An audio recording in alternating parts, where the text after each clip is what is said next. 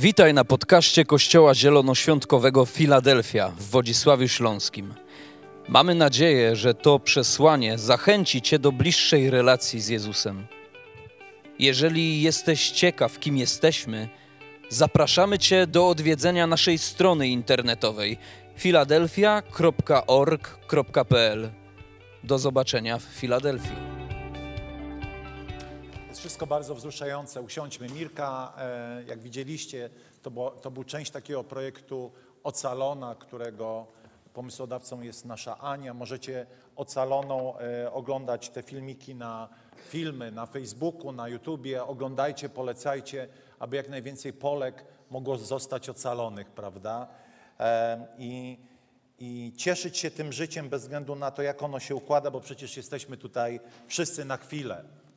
E, I o tym też dzisiaj e, chciałbym Wam powiedzieć, dlatego że e, kiedyś słyszałem taką piosenkę Muńka Staszczyka zespołu T-Love. Ludzie żyją tak, jakby nie było śmierci. Śmierć jest, śmierć jest pewna, nie lubimy o niej mówić, ale ona jest. I choć tak naprawdę mm, samo słowo śmierć wzbudza nas, nas dzisiaj jakąś taką, no trochę gęsią skórkę, trochę nie chcemy o tym myśleć, to śmierć musiała nastąpić, żeby nastąpiło zmartwychwstanie. I dzisiaj jest o zmartwychwstaniu, ale zacznę z ciężkiego kalibru. E, zacznę od ogrodu Getsemane, miejsca, dziękuję bardzo, to jest mi potrzebne, e, miejsca, gdzie zaczynał się ten moment całego tridum paschalnego, całego tego momentu e, uwięzienia Jezusa, ukrzyżowania i zmartwychwstania. Chciałbym dzisiaj, zważywszy, że przyszło nam żyć w czasach olbrzymiej presji, w ogóle żyjemy w XX, XXI wieku, to są takie czasy mocnych, różnych presji. Ja kiedy zaczynałem moje życie zawodowe, to spotkałem się z olbrzymią presją zawodową. Myślę, że gdybym dzisiaj wam opowiedział to, co wtedy przechodziłem, to to, to to już podchodziło pod ultramobbing, a było czymś normalnym. Kiedy miałem w 93 roku, zacząłem pracę zawodową, to e, była olbrzymia presja, olbrzymia presja na, na sukces zawodowy. Do tego stopnia, że ludzie, którzy ze mną pracowali, nie wytrzymali jej, mdleli, e, przyjeżdżało pogotowie, wiecie, działy się niesamowite sceny w tej rodzącej się polskiej młodej kapitalistycznej gospodarce. A więc jest, żyjemy pod presją, pod presją różnych oczekiwań. Moi drodzy, bo czymże jest presja? Presja to może być oddziaływanie na kogoś, by zmusić go do czegoś. Presja może być także występowanie przeciwko komuś, a także szantaż. Będzie nią każde działanie, które zakłada stosowanie przymusu w taki czy inny sposób, aby osiągnąć zamierzony skutek przez tego, który wywiera presję. Dlatego bardzo mocno wierzę, że Królestwo Boże, Kościół nie może być miejscem presji. Dlatego, że presja jest oddziaływaniem świata ciemności, jest językiem świata ciemności, jest językiem świata e, mm, e, chciwości, jest językiem świata egoizmu, wywieranie presji na siebie nawzajem. Dlatego nie można wywierać presji na kogoś, żeby ktoś przyszedł do kościoła. Tak? Zgadzacie się ze mną? Jezus nie, mu, nie chciał wywierać presji, żeby ktoś stał się jego uczniem. Mówił, pójdź za mną. A ten ktoś mówił, a ja nie pójdę. On mówi, okej, okay, idę dalej. A więc wierzymy, że Królestwo Boże nie jest królestwem presji, nie jest królestwem opresji. Jest królestwem ochotników i ludzi, którzy mogą w osobisty, odpowiedzialny sposób podejmować decyzje. Ale chciałbym Wam opowiedzieć o presji, która wydarzyła się w ogrodzie Getsemane. To było miejsce, w którym Jezus przed swoim ukrzyżowaniem przyszedł, bo nie wszyscy może znacie Biblię i to jest ok. E, po prostu przyszedł i modlił się modlił się przed tym, co miało go spotkać. A więc posłuchajcie fragment z Pisma Świętego, a ja przeczytam tą historię. Potem wyszedł zgodnie ze swoim zwyczajem i udał się na górę oliwną. Uczniowie też z nim poszli. Po przybyciu na miejsce powiedział: Módlcie się, abyście nie upadli w czasie próby. I tutaj drobna dygresja. W tej historii każde zdanie ma znaczenie. Sam zaś odszedł do nich, od nich mniej więcej na odległość rzutu kamieniem, upadł na kolana i modlił się. Krótkie pytanie. Jak daleko można rzucić kamieniem? Jakieś pomysły? 100 metrów? 50? Moja żona rzuca na 20, bo jej to wybitnie nie wychodzi. Wczoraj rzucała kij pieskowi, to pies po prostu patrzy i mówi, ale o co chodzi? Że na dwa metry? E, a więc e, załóżmy, że 100. Tak? Jak się postaramy, seta, rzut jest. W każdym razie jest to na tyle, że jest kontakt wzrokowy, czyli nie jest to daleko.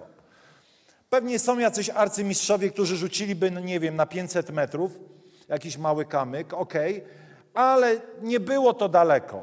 To jest bardzo ważne, dlatego że Pan Jezus, który się modlił i uczniowie byli, no, można powiedzieć, na kontakt wzrokowy.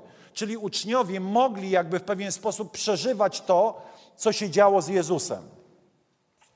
Upadł na kolana i modlił się. I teraz jak się modli Jezus? I to jest ważne, dlatego że to pokazuje, w jakiej presji on był.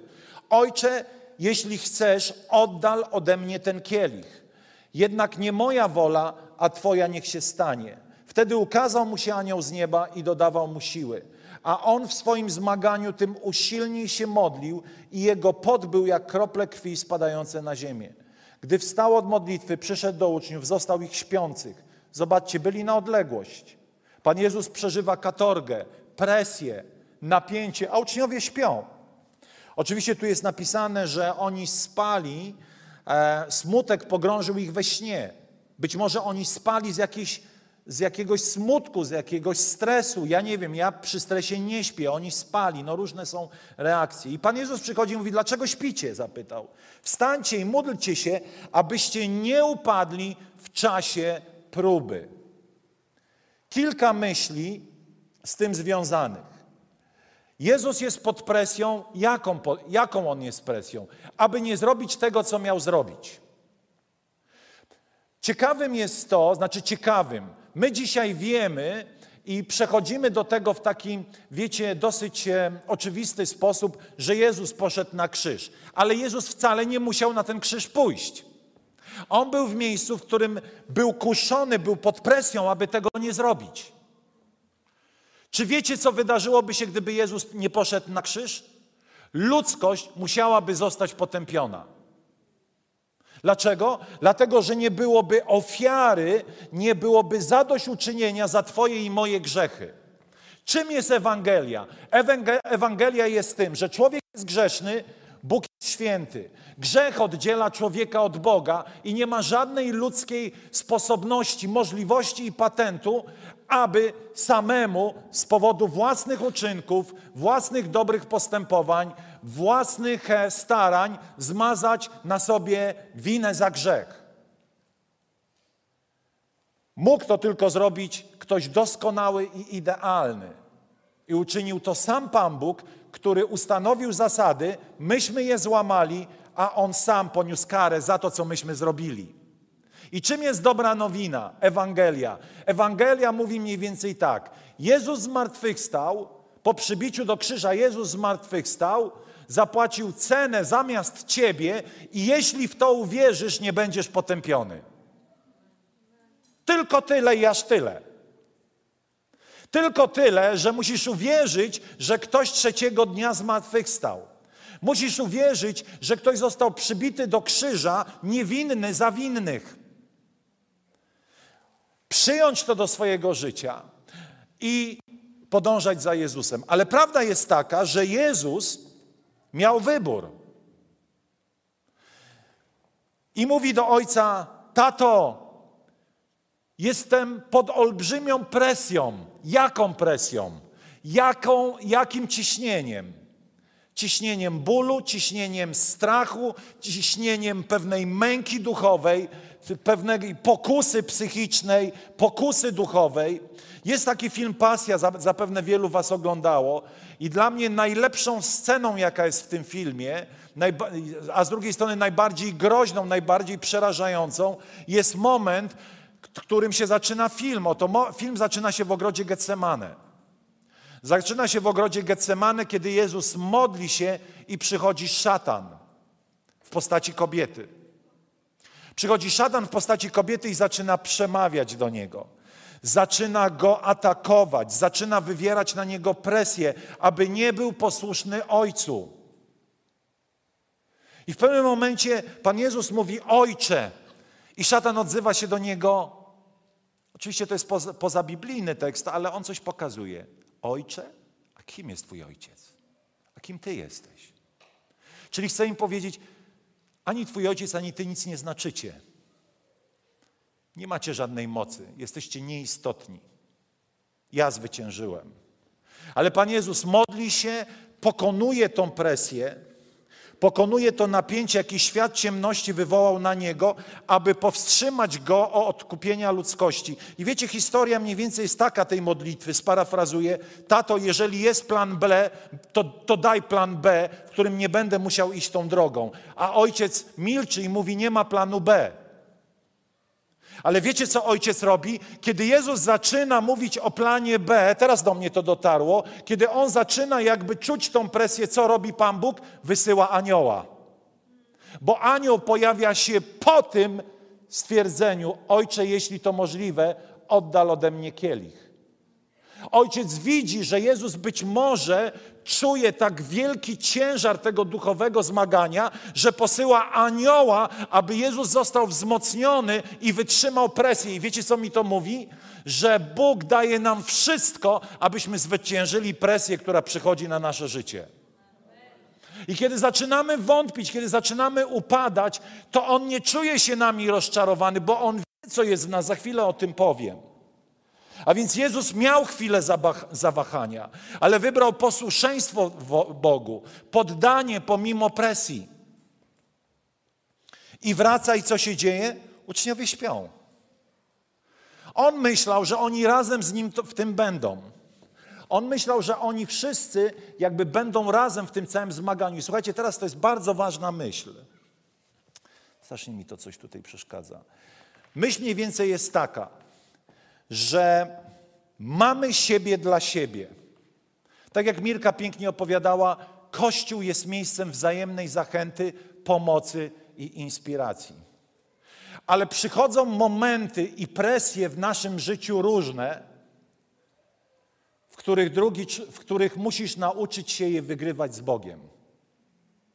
Bardzo często jesteśmy tak uzależnieni od drugiego człowieka, że pomijamy Boga. Halo, tu ziemia.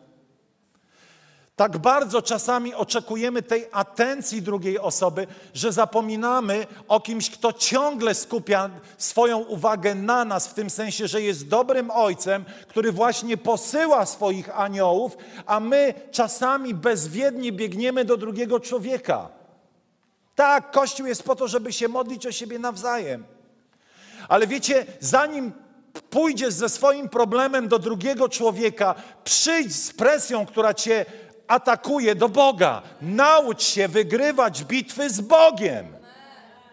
Amen? Ponieważ wiele razy my siebie rozczarowujemy. My czasami nie jesteśmy być z drugim człowiekiem w stanie 24 godziny na dobę. Czy to znaczy, że nie jesteśmy dla siebie nawzajem? Jesteśmy, ale przede wszystkim jesteś stworzony dla Boga i to On jest źródłem wszelkiej siły. Tak, czasami albo bardzo często Bóg porusza się przez drugiego człowieka. Usługujemy sobie różnymi darami nawzajem, ale Jezus najważniejszą bitwę musiał wygrać na kolanach sam na sam z Ojcem.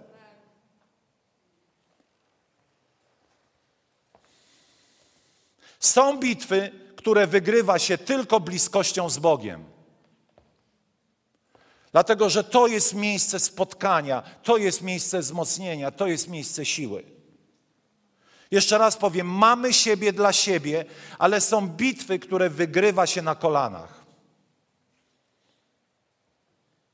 Dzisiaj patrzymy na zmartwychwstanie ja nie mówię, że wy, bo wierzę, że taką mamy świadomość tego, co się dzieje, ale bardzo często, wiecie, trochę zmartwychwstanie jest jak produkt w biedronce. Przychodzimy i patrzymy i mówimy, hmm, oliwa z oliwek. Bierzemy ją, tak jak tą, Mówiłem rano, jak myślicie, ile kosztuje? Ja nie wiedziałem. Znaczy wiedziałem, ale, ale nie wiedziałem dokładnie. Ponoć 17,50, tak? Ktoś wie? Ponoć. Czy to dużo 17,50? Niewiele. No nie przesadzajmy, to nie jest dużo. Prawda? Jakbym powiedział, że to kosztuje 17 tysięcy, no okej. Patrzymy na tą butelkę i mówimy, a oliwa z oliwek, dobrze, bierzemy. I trochę patrzymy tak na zmartwychwstanie. O, mamy święto. Pan Jezus został przybity do krzyża, zmartwychwstał. Jest, wow, super.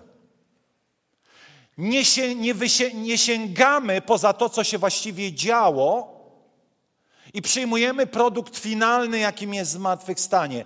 Ale żeby zrozumieć pewne rzeczy głębiej i stanąć w miejscu wdzięczności, posłużę się porównaniem.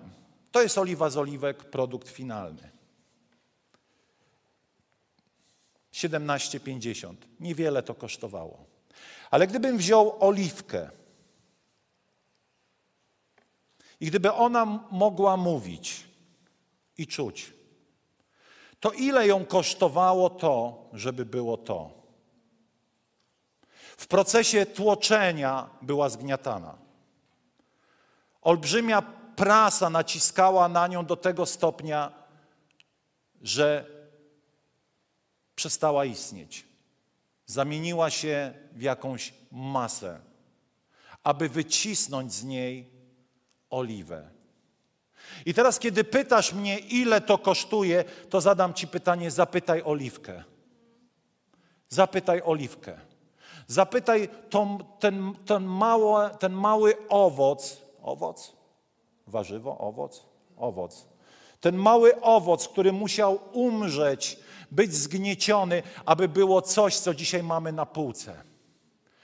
Po co o tym mówię? Żebyś rozumiał, że Syn Boży został poddany presji, której się nie poddał, aby było zmartwychwstanie.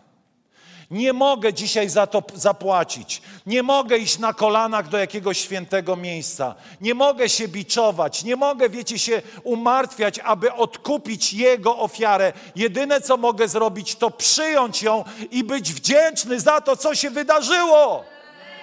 Być wdzięczny nawrócić się do Boga, odpowiedzieć, bo Biblia mówi, że to nie kosztowało 17,50, ale to jest napisane, że drogocenną krwią zostaliście wykupieni, krwią niewinnego człowieka, Syna Bożego, abyśmy mieli dzisiaj swoje zmartwychwstanie, abyśmy nie poszli do piekła. I to kosztowało wytrzymanie presji.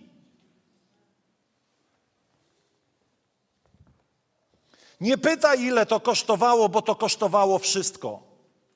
Dlatego dzisiaj nas wzywa Jezus i mówi: Chcę Ciebie całego, ponieważ oddałem Ci Ciebie całego.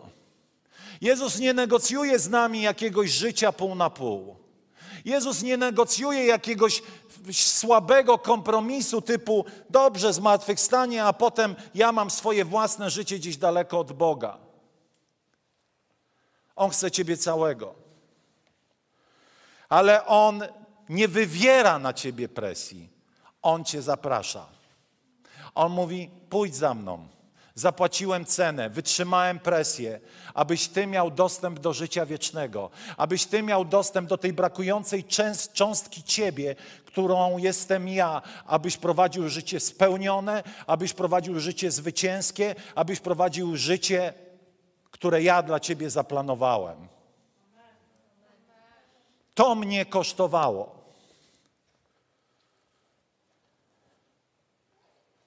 Presja, której był poddany Jezus, wydobyła z niego to, co w naszym religijnym języku nazywamy namaszczeniem.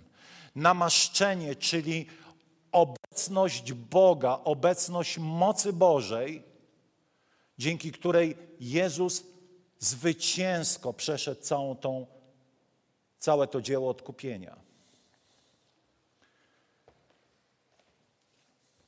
Prawda jest taka, że życie to jedna wielka presja.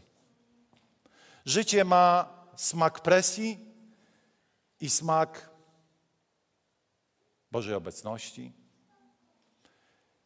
Nie chcę powiedzieć, że w życiu są piękne tylko chwile, choć kuszony jestem, żeby to powiedzieć, ale prawda jest taka, że żyjemy, szczególnie ostatni rok, pod olbrzymią presją. I muszę Wam powiedzieć, że Jezus to doskonale rozumie, bo tam był. On przeszedł tą drogę po co? Po to, abyś Ty mógł przechodzić ją zwycięsko. Abyś się nie dał. Abyś nie podupadł w wierze.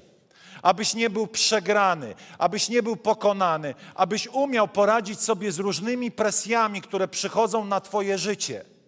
Wstaw sobie co chcesz: utratę pracy, nieporozumienia z małżonkiem, dziwne oczekiwania innych wokół ciebie, że będziesz tym kimś, kim nie chcesz być, obmowa. Wszystko to złe, co ludzie mogą sobie zrobić nawzajem, to w naszym życiu wywiera presję. Posłuszeństwo Bogu czasami prowadzi nas do presji. Ponieważ Pan Jezus mówi, ci, którzy chcą podobać się Bogu prześladowania, przechodzić będą. Ale powiem tak, nawet najbardziej trudna droga z Bogiem jest słodka w porównaniu do najsłodszej drogi, jest słodsza niż najsłodsza droga bez Boga. Jeszcze raz to powiem. Najtrudniejsza droga z Bogiem jest słodsza niż najsłodsza droga bez Boga. Bo jesteśmy tutaj na chwilę. Jesteśmy tutaj na chwilę i pewnego dnia staniemy na Bożym Sądzie i kiedy ci, którzy uwierzyli, nie będą sądzeni.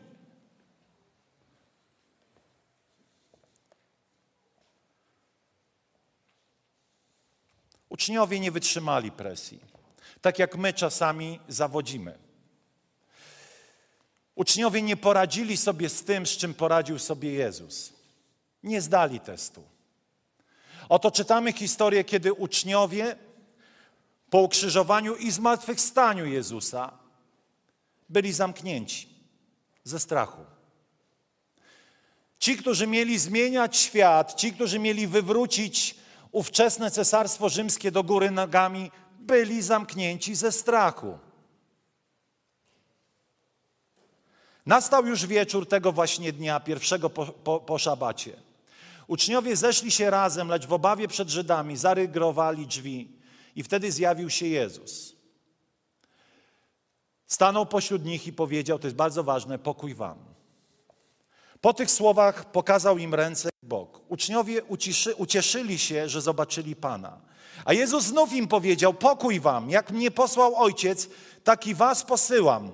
Pamiętajcie, On mówi do tych, którzy ze strachu się zamknęli. On mówi, posyłam was. A oni ze strachu byli zamknięci. To jest oksymoron. Posłać tych, którzy ze strachu są zamknięci. Ale Jezus patrzy na nas i On nie ocenia nas nigdy pod względem naszej siły, bo wie, że jesteśmy krusi, wie, że jesteśmy słabi, wie, że możemy zawodzić. Ale On patrzy na Ciebie i sobie myśli, hmm, On narodził się dla jakiegoś zadania. Ja wiem, że ten chłop w to nie wierzy, ale ja go natchnę siłą, natchnę go mocą, natchnę go zwycięstwem i choć On w to nie wierzy, to On zrobi fajne rzeczy, jeśli będzie gotów mi zaufać, że dam mu siłę i moc. Jezus nie miał złudzeń co do kondycji psychicznej tych ludzi. On wiedział o nich wszystko. Tak jak wie o nas wszystko. Tak jak wie, że czasami nie radzimy sobie z presją. Tak jak wie, że czasami ktoś płacze w, w zaciszu, bo przerasta go to, tamto, to co widzi, to co słyszy. Ale Jezus przychodzi i mówi: Pokój wam. A potem znowu Jezus mówi: Pokój wam, jak mnie ojciec posłał, tak ja was posyłam. Na, następnie tchnął na nich i powiedział: Przyjmijcie Ducha Świętego. A potem dalej czytamy, że jeszcze pojawił się niejaki niewierny Tomasz. Ten to był zawodnik. W czasie tego spotkania z Jezusem nie było wśród nich Tomasza, jednego z dwunastu zwanego Dydymos. Uczniowie przekazali mu zatem, widzieliśmy Pana. On zaś odpowiedział, jeśli na jego rękach nie zobaczę śladów gwoździ, a ich nie dotknę, jeśli w bok jego nie włożę mojej ręki, nie uwierzę. I zobaczcie, co robi Jezus. Po ośmiu dniach uczniowie znów byli razem. Osiem jest symbolem w Biblii nowego rozdziału, nowego sezonu, nowego początku. Opowiadałem wam historię, może nie wszyscy słyszeli, jak Bóg potrafi komunikować pewne rzeczy. To jest taki dobry moment. Kiedy byliśmy w Betel, mój syn miał dużo proroc na temat, był taki wieczór czy poranek jak teraz, podchodzili ludzie i prorokowali. Jakub, nowy sezon, nowy początek. A potem pojechaliśmy do restauracji, wysiadamy z restauracji, wysiadamy z samochodu i przy samochodzie, wiem, że to brzmi nieprawdopodobnie, osiem ułożonych równomonet. Przy drzwiach. Ja mówię, nie dotykaj, trzeba policzyć.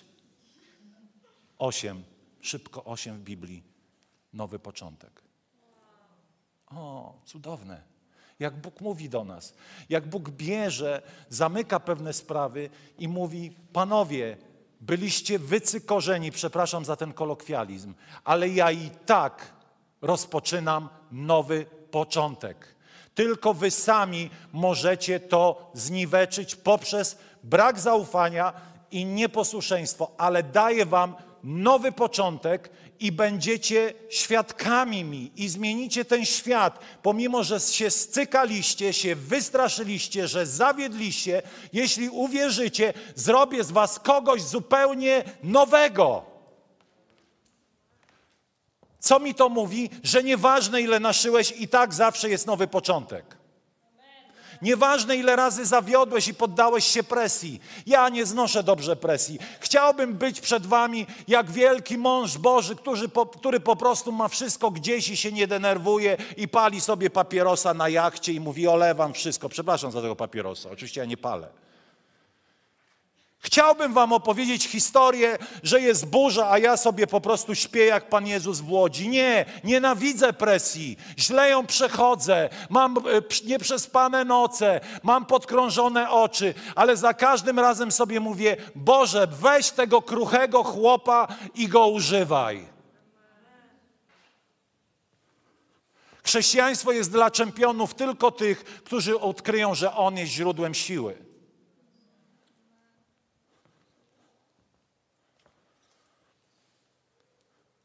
Wtem mimo zamkniętych drzwi zjawił się Jezus, stanął pośrodku i powiedział po raz trzeci, pokój wam. Greckie słowo airin, hebrajskie shalom, czyli wszystko, co dobre dla was. A przecież wiemy, że oni nie prowadzili potem życia usłanego różami. Ale wiecie, co zrobili? Wywrócili do góry nogami cesarstwo rzymskie bez jednego miecza, bez jednej strzały. I tu jest kolejna myśl. Kiedy przychodzi duchowa presja, nie walczysz ludzkimi środkami. Smutne jest to, że czasami ludzie deklarujący się jako chrześcijanie odpłacają tym samym, co dostają i dlatego przegrywają. Są obmawiani, to obmawiają. Ktoś z nimi się kłóci, to oni się kłócą. A Biblia mówi, że nie, ta, nie toczymy bitwy z drugim człowiekiem. Kiedy przychodzi presja, jesteśmy kuszeni, aby walczyć z drugim człowiekiem. Kiedy przychodzi presja, jesteśmy kuszeni, aby wyciągnąć swój miecz, tak jak Piotr, który zawiódł. Pamiętacie? Przychodzą, e, przychodzi straż, przychodzą faryzeusze i chcą pojmać Jezusa. I co robi Piotr? Piotr zachowuje się po ludzku w duchowej bitwie. I ta bitwa nie mogłaby być wygrana. I Jezus to rozumie. Piotr wyciąga swój miecz. W ogóle Piotr był najbardziej chyba e, tym zaburzonym ze wszystkich uczniów. Taki typowy borderline. Tutaj odcina ucho, a potem mówi: Nie znam gościa. To jest ciekawe, nie? I my też często tak możemy się zachować, że z jednej strony mówimy: Wodzu, prowadź nas, a potem E, Filadelfia, nie wiem o czym mówisz, nie znam tego kościoła. Nie, nie, nie, nie, nie. Ja w Filadelfii nigdy tam nie byłem. Kiedyś jechałem pociągiem, taka dygresja.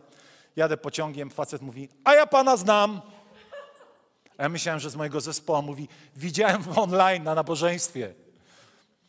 A ja, o, super. To już się nie wyprę. To już się nie wyprę, że jestem pastorem.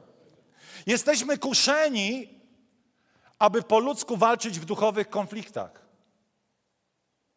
I Piotr wyciąga ten miecz, odcina ucho strażnikowi i co robi Jezus? Jezus rozumie, jak się toczy duchowe bitwy i uzdrawia tego strażnika i, i, i w rozmowie z Piłatem mówi, gdybym był z tego świata, moi aniołowie walczyliby i gwarantuję Ci, że zmietliby w pył całe Twoje cesarstwo.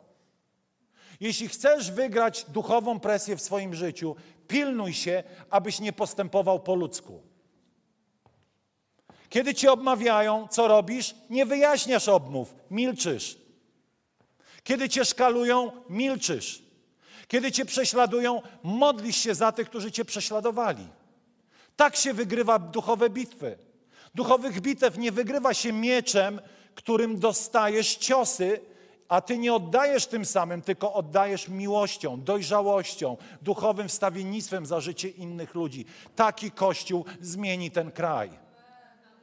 Taki Kościół zmieni ten kraj.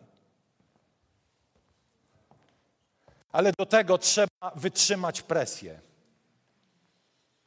Do tego trzeba schować ten miecz, którym wydaje ci się, że mógłbyś tą sprawę rozwiązać.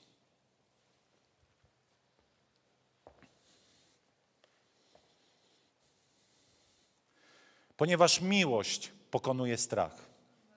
Miłość pokonuje presję. Kiedy przychodzi presja, jesteśmy kuszeni, aby reagować po ludzku, bronić się, tłumaczyć, wyjaśniać. Kiedy przychodzi presja fałszywej opinii, nie jesteś w stanie odkręcić jej, próbując ją odkręcić, przegrasz. Musisz zaufać, że Bóg będzie dbał o Twoją opinię. Ktoś kiedyś powiedział, że plotka jest jak rozerwanie poduszki na wietrze i te wszystkie, ta cała pierzyna, te, ten cały puch leci, a ty próbujesz go pozbierać. Dlatego Biblia tak mocno mówi: nie plotkuj, bo możesz zabić tym drugiego człowieka. Ale czasami ludzie plotkują. Czasami ludzie mówią złe rzeczy o innych ludziach. Czasami ludziom przychodzi tak szybko oceniać postępowanie innych ludzi i tak łatwo mówić, jak on mógł. Kiedy rodzisz się w rodzinie patologicznej, to wybrałeś to, żeby urodzić się w tej rodzinie? Postanowiłeś być zły? Nie, uformowali cię twoi patologiczni rodzice, dysfunkcyjni. Kiedy ktoś wypowiadał nad twoim życiem różne złe rzeczy, to nie dlatego, że ty postanowiłeś, żeby tak było. Ktoś zrobił to wbrew tobie. I stałeś się zlepkiem różnych zranień, które zostały wypowiedziane do twojego życia. A ktoś może patrzeć na ciebie i mówić: No, jak on mógł się tak zachować? A przecież ty nie wybierałeś swojego dzieciństwa. Ty nie postanowiłeś być uzależniony. Ty nie postanowiłeś być toksyczny względem innych ludzi. Ktoś zadecydował za ciebie. Dlatego Biblia mówi, abyśmy nie oceniali drugiego człowieka, bo nie wiemy, jaką on ma historię. Widzimy tylko zawsze kawałek, nie widzimy tego backgroundu, te, tej, tego tła, tej przeszłości.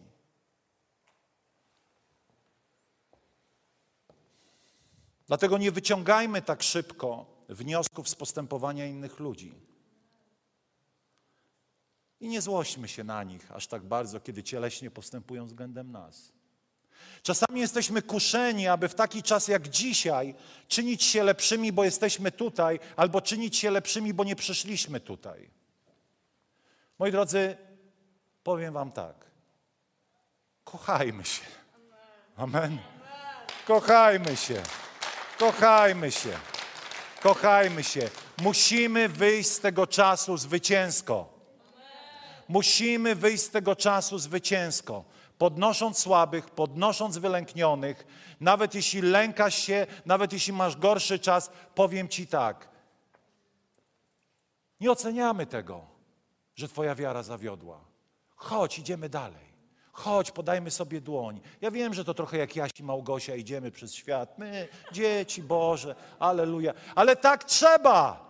Właśnie w czasach, kiedy jesteśmy kuszeni czynić się lepszymi lub gorszymi, kiedy chcemy wyciągać jakieś ludzkie argumenty, zostawmy to, ponieważ ten czas kiedyś minie, a nawet jak nie minie, to i tak musimy swoje wykonać tutaj i nie dać się tej presji i nie wywierajmy na siebie niczego, co sprawi, że będzie nam ciężej. Amen.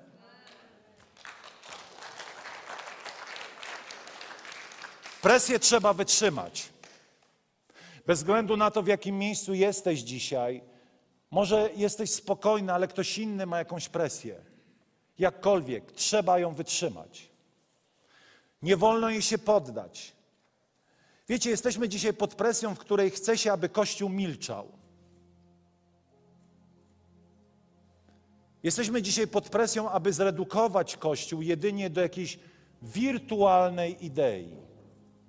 I nie chcę mówić jak e, e, moi koledzy, że tak powiem, z kościołów historycznych, nie w tym rzecz. Ale chcę Wam powiedzieć, w takich momentach jak ten jest miejsce, aby świecić. Jest miejsce, aby przynosić ulgę dla ludzi, którzy nie mają Boga, a są pod presją. To nie jest miejsce na politykę, to nie jest miejsce na załatwianie swoich wpływów. To jest miejsce, aby przynieść wiarę, nadzieję i miłość do ludzi, którzy nie radzą sobie z presją. I tą odpowiedzią, jedyną odpowiedzią jest Pan Jezus Chrystus. Może jestem prostacki w tym myśleniu, może jestem skrajny, może jestem zacofany, ale powiem Wam tak po chrześcijańsku i tak mało kulturalnie. Mam to serdecznie gdzieś. Nie czyni mnie to idiotą. Nie czyni mnie to członkiem talibanu, ale wiem, komu zaufałem. Wiem, w kim położyłem nadzieję i wiem, że On ma moc do końca wykonać swoje dzieło w Tobie i we mnie, podnieść słabych, podnieść rozczarowanych, podnieść zniechęconych, podnieść wystraszonych. I On przychodzi i musi, mówi dzisiaj do Twojego życia: Shalom, pokój Tobie, Irene, powstań, ponieważ mam plan dla Twojego życia i pandemia tego nie zatrzyma. Nie zatrzyma. Amen.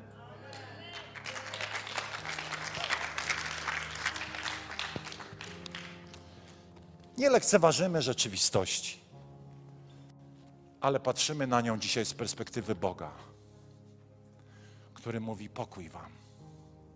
Presja jest, lęk jest. Kto nie ma lęku, w tym sensie, kto jest, jak to, jak to powiedzieć, frywolny. Kiedyś o komandosach słyszałem. Komandosi są odważni, ale nie pozbawia to ich uczucia lęku. Ja generalnie jestem bojaźliwy wbrew panującej opinii, ale nie pozwolę, żeby lęk mi mówił, co mam robić, a czego nie robić. Nie skoczyłbym na bandzi i nigdy nie skoczę na bandzi, bo nie chcę się zabić, a potrzebujecie pastora. Nie ma głupich. Tak mnie nie załatwicie.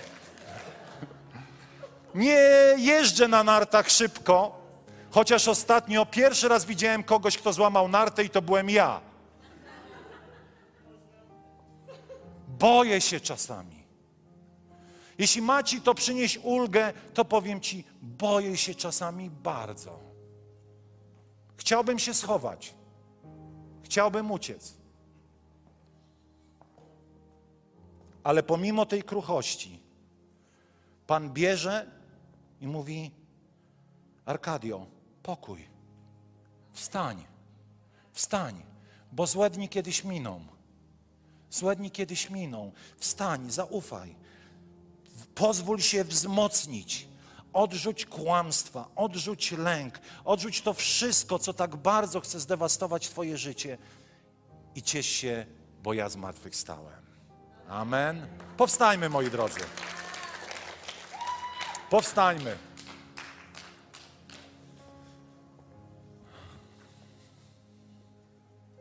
Może jesteś w miejscu kruchości dzisiaj, tak jak ja. Może czujesz presję na swoje życie. Może właśnie straciłeś pracę. Albo widzisz to w czarnych kolorach. Może czujesz presję świata zewnętrznego, może rodziny, może znajomych, w jakimkolwiek obszarze. To nie musi coś być bardzo uduchowionego. Ale chcę Ci powiedzieć, że Jezus już tam był. Może czujesz presję zdrowotną. Jezus już tam był bo jest napisane, że On przeszedł wszystko za wyjątkiem grzechu. Jeśli Jezus przeszedł presję w ogrodzie Getsemane, to każda inna presja jest mniej. A więc On przeszedł i doskonale rozumie, z czym się zmagasz. Syn Boży przyszedł na ziemię i stał się człowiekiem i przeszedł drogę, którą Ty możesz prze- przechodzić i nie zostawi Cię sam, bo tam był. Nie jest odrealnionym bóstewkiem z greckiego panteonu, ale jest Synem Bożym, który stał się człowiekiem i doskonale wie, co odczuwasz w taki dzień jak dzisiaj. Albo w taki rok jak ostatni. Albo może w takich kilka lat, gdzie zmagałeś się z jakąś chorobą, z jakimś odrzuceniem społecznym. Pan Jezus to zna. I mówi szalom, airin, pokój. Wezmę to Twoje kruche ciało i zamienię w bohatera. Nie patrz dzisiaj, że zawiodłeś, ale wzmocnij się moim Duchem Świętym i zacznij żyć pomimo. Panie, potrzebujemy Ciebie dzisiaj. Potrzebujemy zmartwychwstałego, który przeszedł tą drogę od Getsemane na krzyż i zmartwychwstał. Panie, modlimy się teraz, aby Twój pokój, Twoje wzmocnienie dosięgnęło każdej osoby tu na tej sali i każdego, kto ogląda nas online. Tato, modlimy się dzisiaj, abyśmy zostali wzmocnieni i wytrzymali wszelkie presje, bo Ty wytrzymałeś. Panie, abyśmy byli posłuszni Tobie i nigdy nie zboczyli z Twojej drogi. Panie, modlimy się teraz, abyśmy przyjęli ten pokój Boży do naszych serc, że Ty wszystko dobrze uczynisz, że Ty to wszystko poskładasz i że Ty jesteś Bogiem, który zawsze triumfuje, bo zawsze triumfowałeś i tak było, jest i będzie. I żadna siła ciemności nie zniszczy nas, ponieważ Ty przychodzisz i mówisz: Pokój Wam, ufajcie, ja zwyciężyłem świat. Niech Bóg Was błogosławi. Amen. Amen.